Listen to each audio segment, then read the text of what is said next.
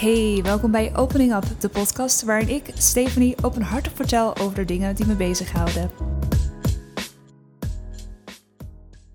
Waar ik het vandaag over wil hebben is misschien wat controversieel. Het gaat namelijk over de veel voorkomende misvatting dat we iets zouden moeten doen, dus een activiteit moeten ondernemen om tot rust te komen. En dit geldt niet alleen voor de lame-ass zelfzorgtips zoals neem een bad of loop een rondje in de natuur of ga naar de spa. Maar het geldt ook voor de meer spirituele activiteiten zoals yoga en zelfs ook meditatie.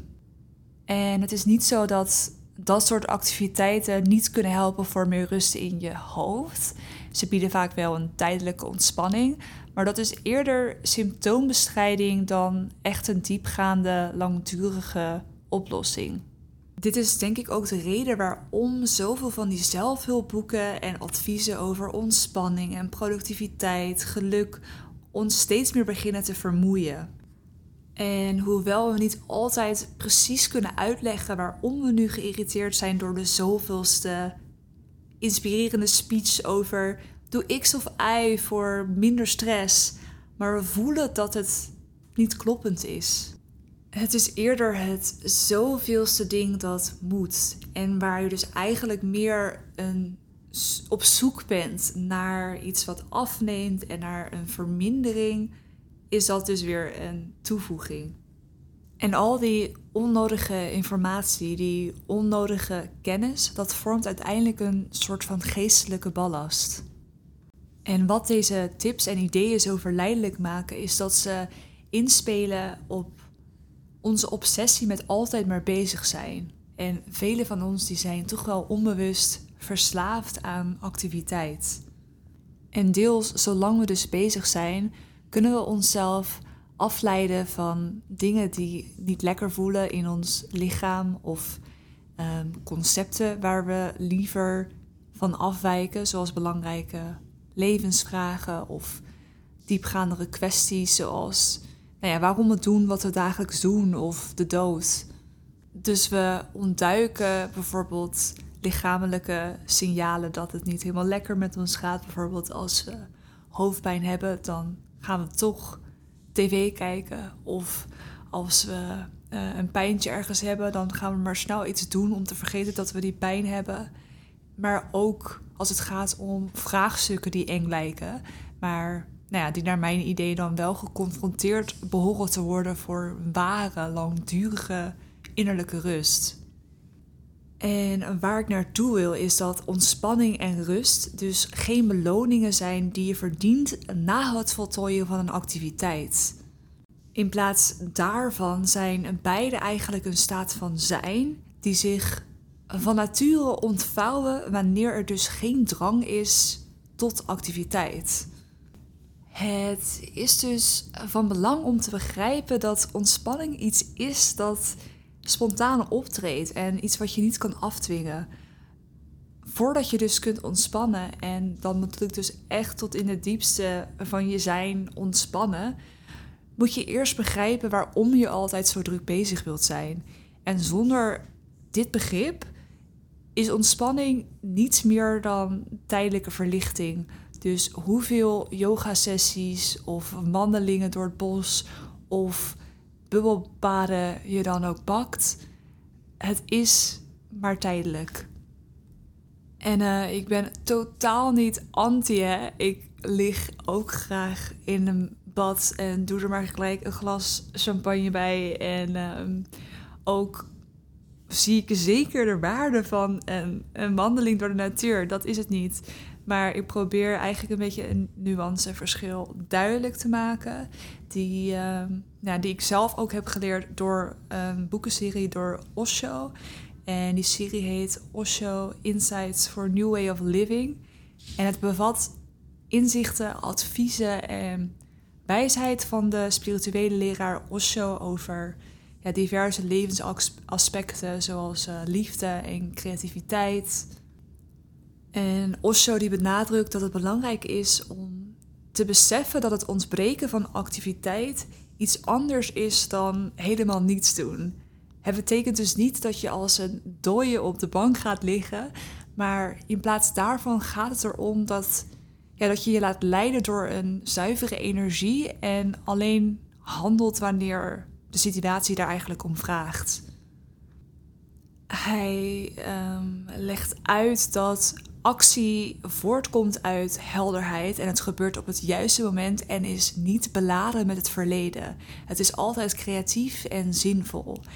En aan de andere kant is activiteit eerder destructief en wordt vaak dus gedreven door die innerlijke onrust. Een, voorbeeldje is eten. Dus als je honger hebt en je, nou ja, je gaat dan dus wat eten, dan is dat goed voor je. Dat is een goede zaak en dat kun je dus zien als actie. Het gebeurt naar aanleiding van iets spontaans, wat in het moment ook daadwerkelijk een, nou ja, een actie dus van je verlangt. Maar als je vervolgens niet hongerig meer bent of niet hongerig bent en je gaat dan eten, dan is het ja, eerder schadelijk voor je. En dat zou je dan kunnen zien als activiteit. Dus ja, het mogen duidelijk zijn dat als je voortdurend bezig bent, dan kun je niet echt ontspannen. En het is helemaal niet zo gek dat velen van ons deze nou ja, obsessie hebben. Het wordt namelijk zo erg ingeprent. En ook als je kijkt, nou eigenlijk toch wel over de hele wereld zijn er mensen die zeggen: doe iets in plaats van niets. En het is altijd maar beter om, nou ja, dus inderdaad iets te doen in plaats van niets te doen. En er zijn zelfs mensen die beweren dat een rustige geest de speeltuin van de duivel zou zijn. Nou ja, nu resoneert het idee van een duivel bij mij helemaal niet. Dus uh, ja, daar heb ik ook niet zoveel over te zeggen. Maar in ieder geval is het dus ook niet waar. Want een rustige geest is juist een plek waar nou ja, je dichter bij iets spiritueels kunt komen. En een rustige geest is eerder als een schone en een pure plek. En uh, ja, dat negatieve stemmetje dat je dan de duivel zou kunnen noemen, die zegt nooit ontspan. Het zegt eerder, waarom verspil je je tijd? Doe iets, beweeg, het leven gaat voorbij, doe iets. Je moet werken. Maar alle toch wel wijze leraren zou je kunnen zeggen, degene die um, ja, toch wel de waarheid van het leven te lijken hebben ontdekt, hebben begrepen dat een rustige geest ruimte biedt aan iets goddelijks om in je binnen te komen. En bezig zijn is dus een manier om aan jezelf te ontsnappen. Maar wanneer je actie onderneemt, dan ben je bewust en aanwezig. En als je druk bezig bent, ben je juist aan het vluchten van jezelf. En waarom mensen zichzelf het liefst even willen vergeten, is omdat dan zorgen en angsten en spanning even tijdelijk verdwijnt. En dat is dus die, waar die behoefte vandaan komt om continu altijd ja, iets te doen. En daarbij probeert onze geest eigenlijk alles te rationaliseren wat te rationaliseren valt. Dus zodat het kloppend wordt. En we overtuigen onszelf er al best wel snel van dat wat we doen een actie is en dat het wordt gedreven door die pure energie. Nu is mijn eigen ervaring dat zodra je depressieve gevoelens hebt, veel frustratie en boosheid of vermoeidheid, dan is de kans groot dat je je verloren hebt in maar bezig zijn. En daardoor dus ook die ja, wat minder fijne gevoelens, omdat het gewoon niet aansluit bij uh, natuur. Maar actie daarentegen, dat is spontaan. En vooral kinderen zijn hier goed in. Die, die rennen, die dansen, die spelen. En ja, stel je voor dat als je een kind die rent vraagt, waar ga je naartoe? Dan zal die je vraag niet snappen, want hoe bedoel je? Ik ga nergens naartoe. Een kind die, ja, die geniet gewoon van zijn energie. En hij rent niet omdat hij ergens moet komen, maar omdat hij gewoon zoveel energie heeft dat hij wil bewegen en dat hij moet bewegen. Ze zijn dus gedreven door, en hoewel dat misschien niet altijd zo lijkt, maar een um, ja, rustgevende energie en dus niet door het doen van een activiteit. Nou ja, ik heb in ieder geval dus zelf zeker zo'n onbewuste, nou ja, deels onbewuste obsessie gehad met maar bezig blijven en dat vertaalde zich op allerlei verschillende manieren. Dus ja, van toch wel wat velen kennen. Het mijnden scrollen, terwijl je ook wel voelt van... Uh, volgens mij, ehm, waarom doe ik dit? tot ook meer onbewust dat als ik dan ergens was en me ongemakkelijk voelde en je, nou, ik mijn gedachten dan wilde ontvluchten, dat je wanhopig zoekt naar dingen om je mee af te leiden of om maar iets te doen. En als het er dan dus niet was, dan pak je bijvoorbeeld twintig keer je tas en begrijp je er een beetje in, terwijl je eigenlijk niks zoekt. En dat zijn allemaal van die hele kleine dingetjes die je eigenlijk laten zien dat je een soort van verslaving hebt aan activiteit. Maar ehm, ja, het leven is fucking leuk en je kan ook weer dingen afleren en nieuwe wegen instaan. Ehm, en ik leer nu dus dat ontspannen ja, meer zoals een bloem die vanzelf open gaat en je kunt het dus niet afdwingen. En je moet dus eerst voor jezelf begrijpen waarom je altijd zo druk bezig bent. Ehm, waarom je gefixeerd bent op jezelf toch wel afleiden. En zodra je dat voor jezelf dus onderzoekt, wat is actie en wat is activiteit, dan is dat echt een enorme belangrijke eerste stap naar diepere rust. En dan de tweede stap volgens Osho is dus om meer betrokken te zijn bij actie, zodat je energie op een waardevolle manier wordt ingezet. En als je jezelf wel in een staat van activiteit bevindt, dan, uh, ja, dan moet je gewoon extra waakzaam en alert zijn. Daarbij maakt hij trouwens wel de belangrijke kanttekening dat je waakzaam moet zijn, dat dat ook weer niet, ja, het loslaten ook weer niet een obsessie wordt. Want anders is dat op zichzelf ook weer een activiteit. En volgens Osho is dit ook wat ja, met enkele monniken in kloosters gebeurt. Zij streven dan weer naar het loslaten van bezigheden. En dat is een obsessie geworden. En ze vullen hun dagen met ja, de activiteiten zoals bidden en mediteren. Wat dus ook eigenlijk activiteiten zijn.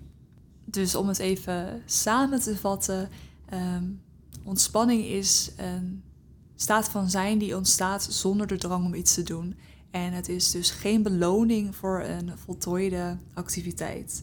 En zolang je niet onderzoekt waarom je de drang hebt om actief te zijn, om te ontspannen, dan ben je eigenlijk bezig met symptoombestrijding. En dat betekent dat de sleutel is om te handelen wanneer dat zinvol is en spontaan gebeurt, zonder de last van het verleden. En daarmee vindt er een verschuiving plaats van oppervlakkige bezigheden naar betekenisvolle acties. Waar ik zelf hoop steeds uh, beter beoefend in te worden, is nou ja, het, het in het hier en nu leven. En dus het minder bezig zijn met doelloze activiteiten en een bepaald soort leegte, kalmte en passiviteit, zeg ik dat goed, te hebben.